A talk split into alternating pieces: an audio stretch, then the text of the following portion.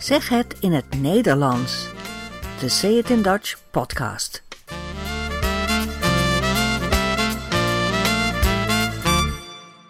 Nummer 45. In deze aflevering praten we over het behouden huis, de legendarische overwintering op Nova Zembla in de 16e eeuw. Je hoort het hele verhaal, een paar fragmenten en we vertellen wat er daarna gebeurde.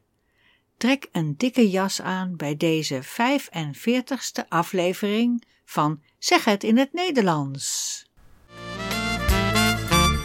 Januari, hartje winter, midden in de winter in Nederland. Soms is het heel koud en ligt er sneeuw en ijs in januari. Gaan de mensen schaatsen op een vijver of op de grachten maar op het moment dat ik dit opneem in 2023 is de temperatuur rond de 0 graden. S'nachts vriest het een beetje, maar er is geen ijs en geen sneeuw. Toch moet ik in deze tijd vaak denken aan het indrukwekkende verhaal van het behouden huis. Dat is een waar gebeurde geschiedenis van een Nederlandse expeditie in de winter van 1596 en 1597. Ze waren op zoek naar een zeeroute om de Noord, een zeeroute naar Azië via het noorden van de aardbol. Misschien was dit wel de bekendste zeereis van Nederland. En vooral de koudste ontdekkingsreis. Ik ga jullie deze keer meenemen op deze ijskoude expeditie. Het is het verhaal van een kleine groep moedige jonge mannen die met de ervaren zeeman Willem Barens en schipper van Heemskerk op pad gingen. Het was het eind van de 16e eeuw en Europeanen voeren met hun schepen op de wereldzeeën, vooral om handel te drijven of nieuwe landen te ontdekken en daar dan handel mee te drijven. Azië was erg populair. De meeste schepen vanuit Europa, zoals die van Portugal en Spanje, Engeland en Nederland, voeren om de Zuid, via een zuidelijke route dus varen naar het zuiden langs de Europese westkust en de Afrikaanse westkust, dan bij Kaap de Goede Hoop naar het oosten, de Indische Oceaan op. Op die route was het dus druk en het was er ook gevaarlijk, want Nederland was in oorlog met Spanje en nu hoorde Portugal ook al bij Spanje. Daarom waren er rijke kooplieden in Nederland die zeiden: Kunnen we niet eens proberen via de andere kant naar Azië te varen, via het noorden? Dat is korter en er is minder kans op tropische ziekten onderweg.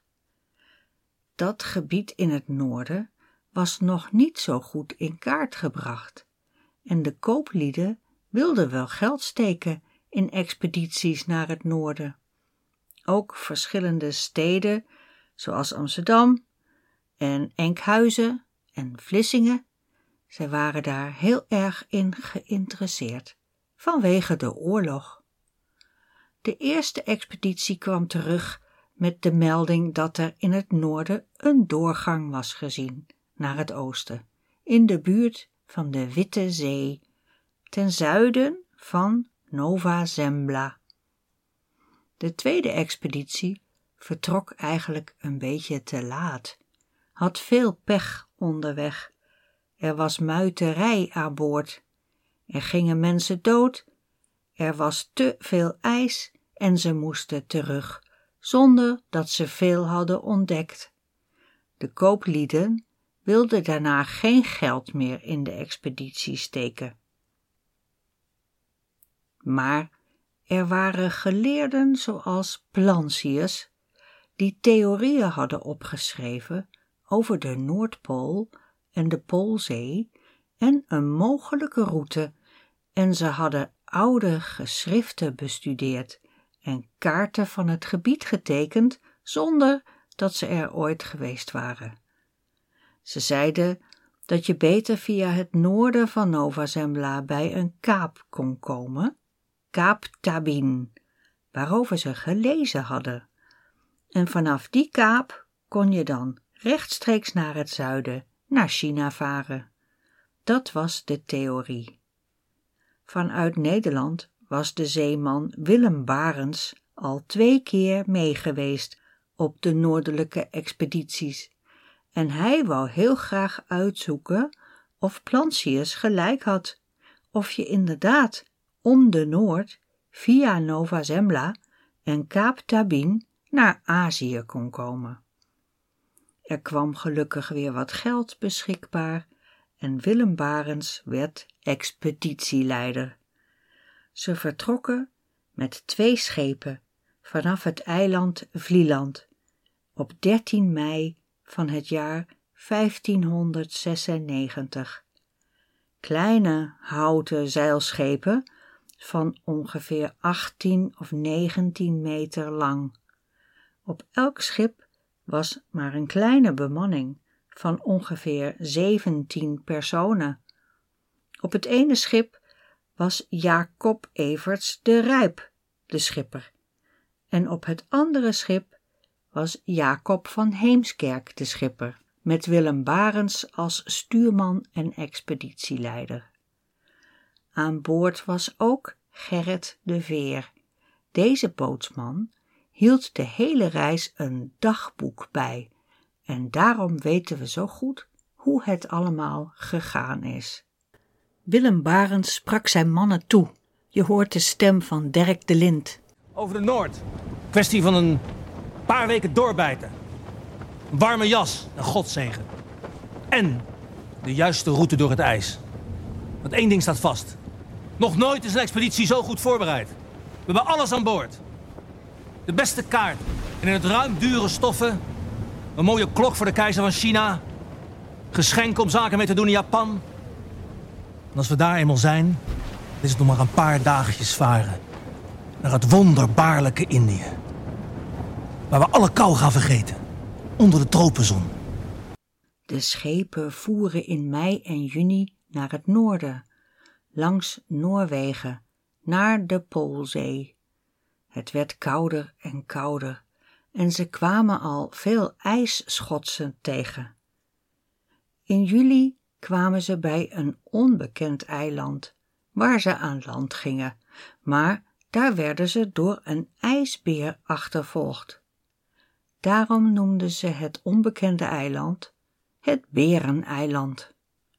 En toen ze verder naar het noorden voeren, kwamen ze bij een eilandengroep die nu Spitsbergen genoemd wordt. Ze probeerden er aan de westkant langs te varen, verder naar het noorden, maar er was veel te veel ijs. Ze konden er niet langs en moesten weer helemaal terug naar het zuiden, naar het Bereneiland. Beide schippers bespraken daar wat ze moesten doen. Schipper de Rijp van het ene schip wou recht naar het noorden gaan, deze keer langs de oostkust van Spitsbergen. Maar schipper van Heemskerk en stuurman Barens wilden liever meteen naar het oosten, richting Nova Zembla. De schepen gingen daarom uit elkaar. Van Heemskerk, Barens en De Veer vertrokken met hun bemanning naar het oosten. En zo begon de levensgevaarlijke reis in bittere kou naar de noordpunt van Nova Zembla. Een avontuur van een kleine groep dappere mannen in een kleine houten zeilboot op een zee vol ijsschotsen.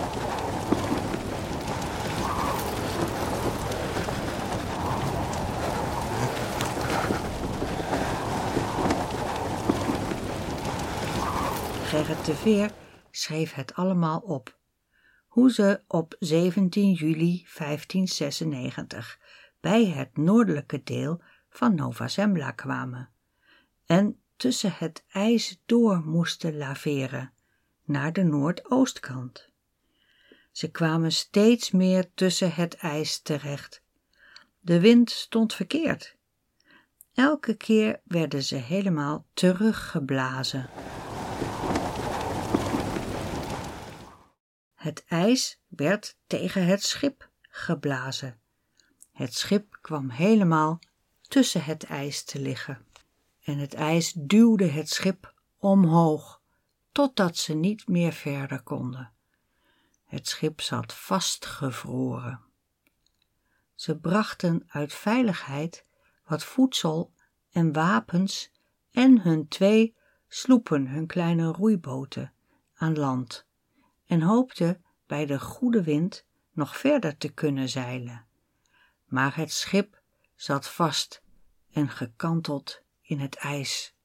3 september 1596. Het schip is door het ijs heen en weer geschoven en uiteindelijk onder de druk van het opkruiende ijs bezweken. Ons schip heeft het verloren van die machtige natuur. Wij hebben verloren, maar geven niet op. Toen moesten ze besluiten om op Nova Zembla te blijven en er te overwinteren, om te wachten op de volgende zomer. Op 11 september 1596 gingen ze aan land om er een huis te bouwen. Op Nova Zembla groeien geen bomen, maar er waren wel heel veel boomstammen aangespoeld. Die waren via de rivieren in Siberië op de noordelijke zeeën terechtgekomen en aan de noordpunt van Nova Zembla aan land gespoeld. Met deze bomen bouwde de bemanning niet zo ver van de kust een houten huis. Timmeren en zagen in de kou en met sneeuwstormen. S'nachts sliepen ze eerst nog op het schip. Helaas overleed de timmerman voordat het huis af was, maar vlak voor zijn dood had hij aan de andere mannen nog uitgelegd hoe ze het huis moesten bouwen, boven op de bevroren grond. Gerrit de Veer schreef in zijn dagboek: Het was zo koud dat de spijkers, die we bij het timmeren in de mond namen, aan onze lippen vastvroren. Pakte je ze uit je mond, dan trok je het vel mee, zodat het ging bloeden. Op 24 oktober konden ze dan eindelijk in het huis gaan wonen. Ze noemden het het behouden huis. Het behouden huis, zo hebben we het genoemd. Gemaakt van drijfhout en de spanten van ons schip. Het behouden huis zal ons beschermen en behoeden. Zo God het wil. We willen maar één ding. Het is overleven. Van Heemskerk is de kapitein en blijft de kapitein. Alleen nu is hij een kapitein zonder schip. We willen maar één ding. Dat is het overleven. Van Heemskerk is de kapitein en hij blijft de kapitein. Alleen zonder schip. Zestien mannen in een houten huis. Eén ruimte van tien meter lang en zes meter breed dat hem moest beschermen tegen de ijzige kou en de wilde dieren. Langs de wanden waren vijf kooien. Een kooi, dat is een scheepsbed. Vijf kooien met in elke kooi plaats voor drie man. De schipper en de stuurman sliepen aan de andere kant. De mannen gebruikten berenvet als brandstof voor de lamp. Ze hadden beschuiten en spek en al heel lang geen vers voedsel meer gehad. Het vlees van ijsberen vonden ze heel erg vies. Dat aten ze liever niet. Toen het steeds kouder en donkerder werd, zagen ze ook helemaal geen ijsberen meer komen. Toen kwamen er vossen, witte vossen. Ze gingen een paar vossen eh, vangen en dat vlees was lekker. De vacht van de vos konden ze goed gebruiken om mutsen van te maken. En zonder dat ze het wisten, zorgde het vossenvlees ervoor dat ze geen scheurbuik kregen. Scheurbuik, de bekende ziekte die zoveel zeelieden kregen als ze lang geen verse groente of fruit hadden gegeten. Maar in het vlees van de vossen bleek een beetje vitamine C te zitten. Dat was een geluk bij een ongeluk. Op 4 november kwam de zon helemaal niet meer boven de horizon. De verschrikkelijke poolnacht was begonnen. Dag en nacht, allebei donker. Ze hadden wel een klok in het huis, maar die was stil blijven staan door de kou. Niemand wist meer hoe laat het was en of het dag was of nacht. Ze gebruikten daarom een zandloper om de datum en de tijd bij te houden. Het was koud en donker en toch moesten ze vaak naar buiten om sneeuw te ruimen, om brandhout te halen, om vossen te vangen. Niemand wist precies hoe lang ze op Nova Zembla moesten blijven. Ze moesten heel zuinig zijn met eten en brandhout. Het eten ging op rantsoen. Na een dag hard werken ging de schipper wel eens voorlezen uit de boeken die ze van het schip hadden opgehaald, terwijl de mannen om het vuur heen zaten te luisteren. Maar begin december was het zo koud dat het houtvuur niet meer genoeg warmte gaf. De mannen zaten heel dicht bij de vlammen en aan hun voorkant verbrandden ze bijna, maar aan hun achterkant hadden ze gewoon ijskristallen op hun rug. Daarom haalden ze een bak kolen uit het schip. Een kolenvuur brandt warmer en langer dan hout. Om te zorgen dat de warmte goed binnenbleef, stopten ze alle kieren en gaten van het huis dicht en ook de schoorsteen. Maar al gauw raakten ze versuft en vielen ze in slaap en bijna waren ze allemaal door de kolendamp, de koolmonoxide, bewusteloos geraakt. Ze gingen bijna dood, maar een van de mannen kon door de pijn in zijn buik niet slapen en merkte wat er gebeurde. Hij sprong op en gooide de buitendeur snel open om zuurstof binnen te laten. Zo werden de mannen in het behouden huis gered. Ze durfden daarna geen kolen meer te gebruiken. We verlangden hevig de zon weer te zien. Zonder die mooiste schepping van God is het leven vol treurnis. Begin januari 1597 schreef Gerrit de Veer. Na het zware werk van die dag bedachten we dat het drie koningen moest zijn. We vroegen de schipper toestemming om het feest te vieren, om ons treurig bestaan wat op te fleuren.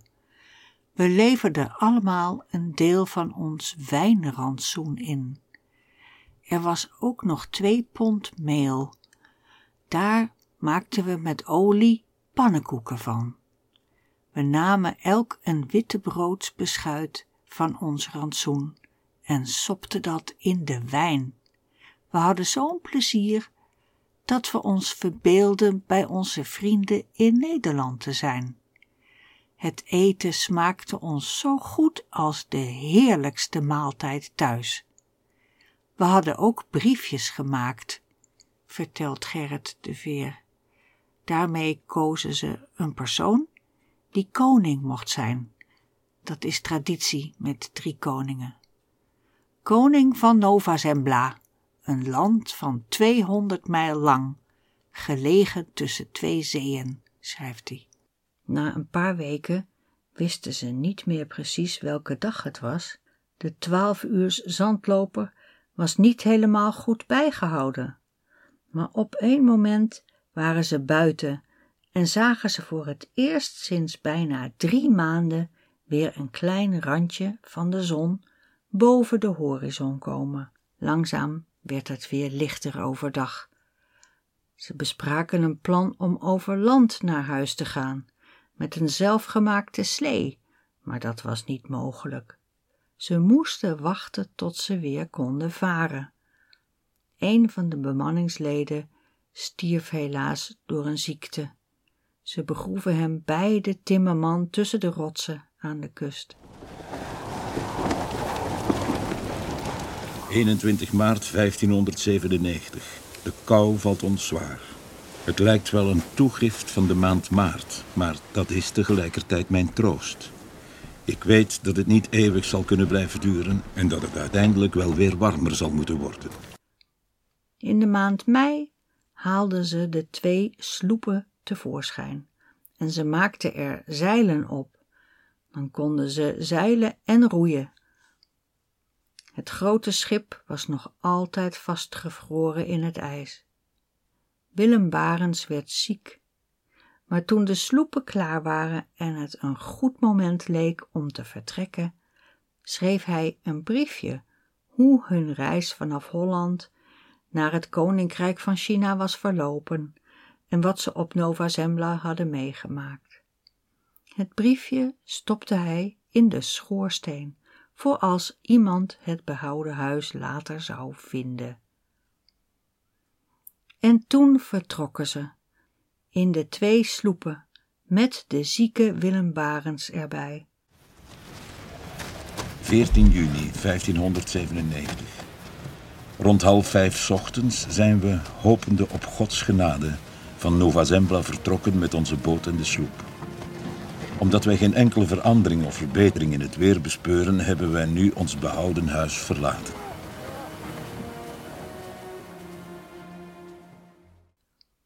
Ook in juni was het nog ijskoud en de sloepen waren gewoon open. Het was een barre tocht. Willem Barens overleefde het niet. Hij ging dood op 20 juni, toen ze even aan land waren om vogels te vangen. Ook een andere man stierf onderweg. De jonge bemanning was heel verdrietig over het verlies van hun expeditieleider. Barens had hen als een soort vader door de barre winter heen geholpen en nu was hij dood voordat ze weer in Amsterdam waren. Maar ze moesten verder. Ze zeilden honderden mijlen met twee sloepen en toen ontmoetten ze Russische vissers en konden ze vers eten kopen met de gouden munten die ze nog hadden. Eind augustus kwamen ze aan op het Russische eiland Kildin. Daar hoorden ze dat er Hollanders waren, in Kola, in Lapland. Het was schipper de reis, de schipper van dat andere schip. Hij had Spitsbergen wel geprobeerd te passeren, maar dat ging niet, en daarom was hij snel naar Amsterdam teruggevaren. En nu was hij hier voor handel.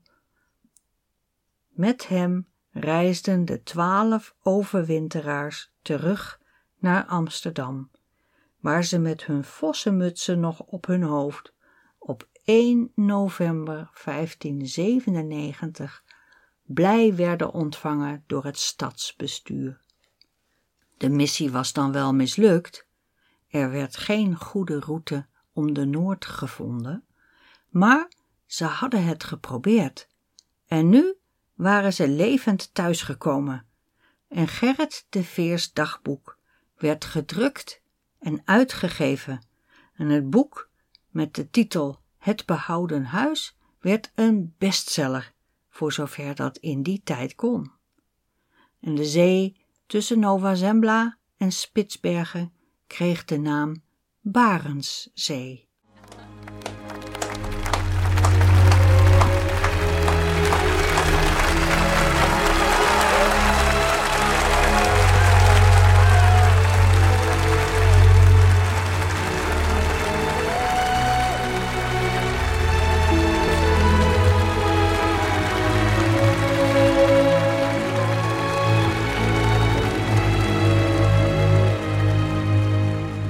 Geschreven in Amsterdam, de een na laatste dag van april van het jaar 1598.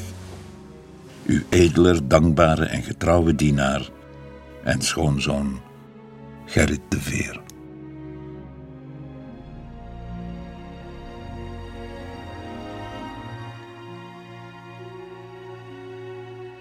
Dat was een bijzonder verhaal, of niet?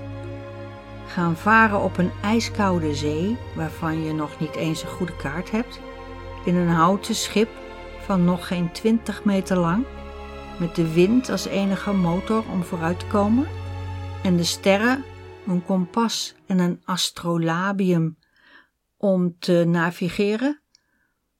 Geen communicatie met het thuisland, geen briefpost zelfs, en dan tien maanden lang op een kaal en koud stuk land, vol sneeuw en ijs, een aantal maanden zelfs helemaal in het donker, wachten tot je schip weer kan varen, en als dat dan niet kan, met twee bootjes naar de bewoonde wereld en uiteindelijk na anderhalf jaar toch nog thuiskeren in Amsterdam.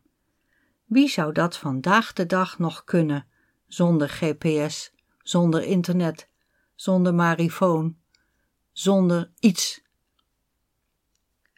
Nova Zembla is in Nederland een echt begrip. We hebben er allemaal op school de verhalen van gehoord.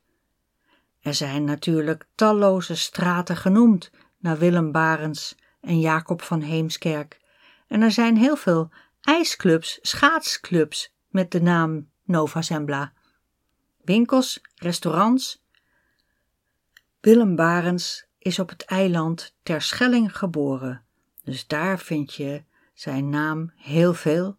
En daar vind je ook een museum met de naam Het Behouden Huis. In de 17e eeuw en daarna gingen er vooral schepen naar het noorden om walvissen te vangen bij Spitsbergen.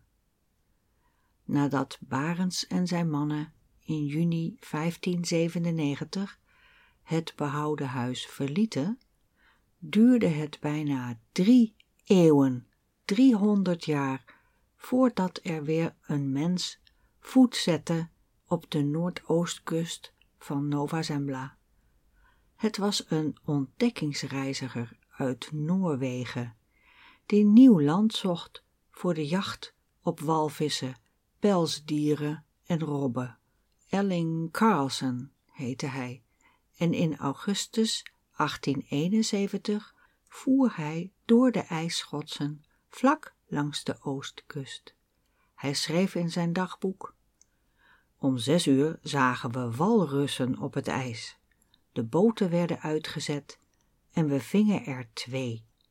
We zagen ook een huis aan land dat ingestort was. Dat was de ruïne van het behouden huis. Carlsen ging het huis bekijken en dagenlang verzamelde hij de spullen die hij er vond. Ook het briefje van Willem Barens dat in de schoorsteen zat. Hij nam alle spullen mee naar Noorwegen en zocht via de consul contact met Nederland. Maar daar kreeg hij geen reactie. Een Engelse toerist was wel geïnteresseerd in de vier kisten vol oude historische voorwerpen. Hij kocht ze van de Noor en probeerde ze thuis aan het British Museum door te verkopen. Maar ja, die hadden toen geen geld en geen plaats. Toen de Nederlandse regering dat hoorde, ging ze op zoek naar deze Engelsman en ze vonden hem. En hij was zo aardig om de vier kisten uit het behouden huis voor dezelfde prijs, zonder winst, aan de Nederlanders te verkopen. De voorwerpen waren dus 300 jaar oud, maar omdat ze al die tijd in ijs en sneeuw hadden gelegen, waren ze goed bewaard gebleven. Ze kwamen later naar het Rijksmuseum, waar het behouden huis werd nagebouwd. Ook later werden er door andere zeelieden uit Rusland of Engeland en Noorwegen nog spullen gevonden. In 1933 kwam er in Rusland een expositie van de spullen en ze vertaalden in 1936 het hele dagboek van Gerrit de Veer in het Russisch. Nova Zembla hoorde in de 20ste eeuw bij de Sovjet-Unie. Het was een militair gebied waar ook atoombommen werden getest in 1961. Niemand mocht er komen. Pas in 1995 ging er een Russisch-Nederlandse wetenschappelijke expeditie naartoe voor archeologisch onderzoek naar het behouden huis. Dat was voor het eerst in 400 jaar dat er Nederlanders voet zetten op de plaats van het huis. Het verhaal blijft populair. In 2011 kwam er een Nederlandse speelfilm, de eerste Nederlandse film in 3D. Titel Nova Zembla, gemaakt door Reinoud Oerlemans, met Dirk de Lind als Willem Barens. Je hebt zijn stem al een paar keer gehoord. Je hoorde ook de stem van Jean de Cler, de Belgische acteur die in de film Plantius speelt en af en toe uit het dagboek van Gerrit de Veer voorleest. Het verhaal gaat natuurlijk over de zeventien zeelieden, maar een film is pas echt een film als er ook een vrouw in voorkomt, dacht Reinoud. Hij bedacht dat Gerrit de Veer verliefd was op de dochter van Plantius en hij liet die rol spelen door het bekende Nederlandse fotomodel Doutzen Kroes. In de ergste kou zien we Gerrit over haar dromen. Slim idee, hè? Maar niet historisch. Zo'n film over Nova Zembla, daar keken veel mensen naar uit. Ook de Arctisch wetenschapper uit Groningen, die er met de Russen in de jaren negentig onderzoek had gedaan. Hier hoor je een fragment van de Groninger televisie. Eerst de reporter. De film speelt op Nova Zembla in de late 16e eeuw. Regisseur Reinoud Oerlemans maakte de eerste Nederlandse 3D-film over de zeevader Willem Barens, die er met zijn bemanning overwinterde in het behouden huis. De Groningse professor Laurens Hakkebord ging vol verwachting naar deze spraakmakende film, maar kwam van een koude kermis thuis. Dit is een uitdrukking. Het betekent dat hij teleurgesteld was, dat hij het minder goed vond dan hij had verwacht. Van een koude kermis thuiskomen. Hier hoor je de professor. Ik vind wel dat hij uh, een aantal uh, fouten heeft gemaakt en uh, ja, die vind ik gewoon jammer. Hakkebord is directeur van het Arctisch Centrum in de stad en houdt zich zijn leven lang al bezig met het Poolgebied. Hij nam deel aan verschillende expedities. Het treft hem dat de film vol zit met onwaarheden. Onwaarheden. De film zit vol met onwaarheden. De waarheid tegenover de onwaarheid. Veel dingen die je in de film ziet zijn niet waar. Ze kloppen niet. Ja, hij laat uh, Gerrit de Veer op een gegeven moment sterren kijken midden in de zomer. Terwijl er gewoon helemaal geen sterren te zien zijn in de zomer. En dat, dat weet vrijwel iedereen die iets van aardrijkskunde gehad, gehad heeft, weet dat boven de Poolcirkel dat je daar zomers 24 uur licht hebt en winters 24 uur donker. Hoewel de wetenschapper blij is met de film over Nova Zembla, betreurt hij het resultaat. Ik vind het echt een gemiste kans. En, en dat heeft vooral te maken met het feit dat, dat, dat Oerlemans geen keuze heeft willen maken. Hij, heeft, hij had moeten kiezen tussen of een historisch verhaal vertellen of fictie.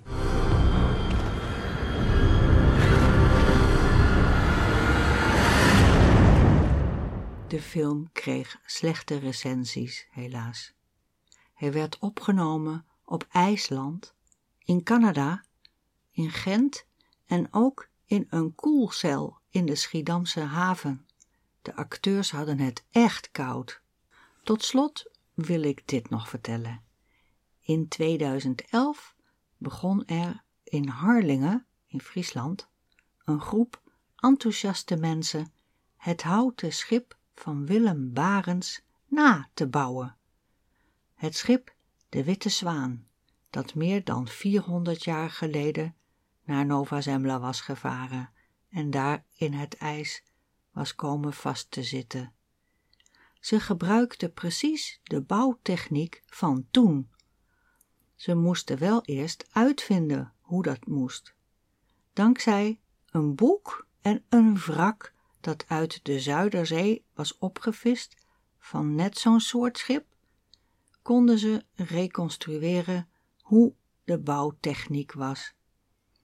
In de 17e eeuw hadden Nederlandse scheepsbouwers maar vier maanden nodig om een compleet zeewaardig zeilschip van 20 meter te bouwen.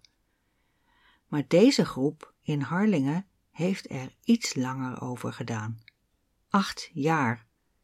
In de winter is het nagemaakte schip gesloten, maar in april van dit jaar kun je hem weer bezoeken in de haven van Harlingen, aan de kust van Friesland, waar de veerboot naar Terschelling vertrekt. Ik ga daar zeker ook eens kijken. Het schip is Willem Barens gedoopt en ze hopen er ooit nog eens mee naar Nova Zembla te kunnen varen. Er drijft nu minder ijs dan toen, zeggen ze. Dus misschien gaat het een keer gebeuren. Wie weet. We zijn aan het einde gekomen van deze aflevering. Ik hoop dat jullie het niet te koud hebben gekregen van dit ijzige verhaal. Misschien hebben de mannen op Nova Zembla jullie wel geïnspireerd. Mij wel, in elk geval. Hartelijk bedankt voor het luisteren. Lees meer, doneer, reageer en abonneer je op www.dutchidiom.com. Tot ziens!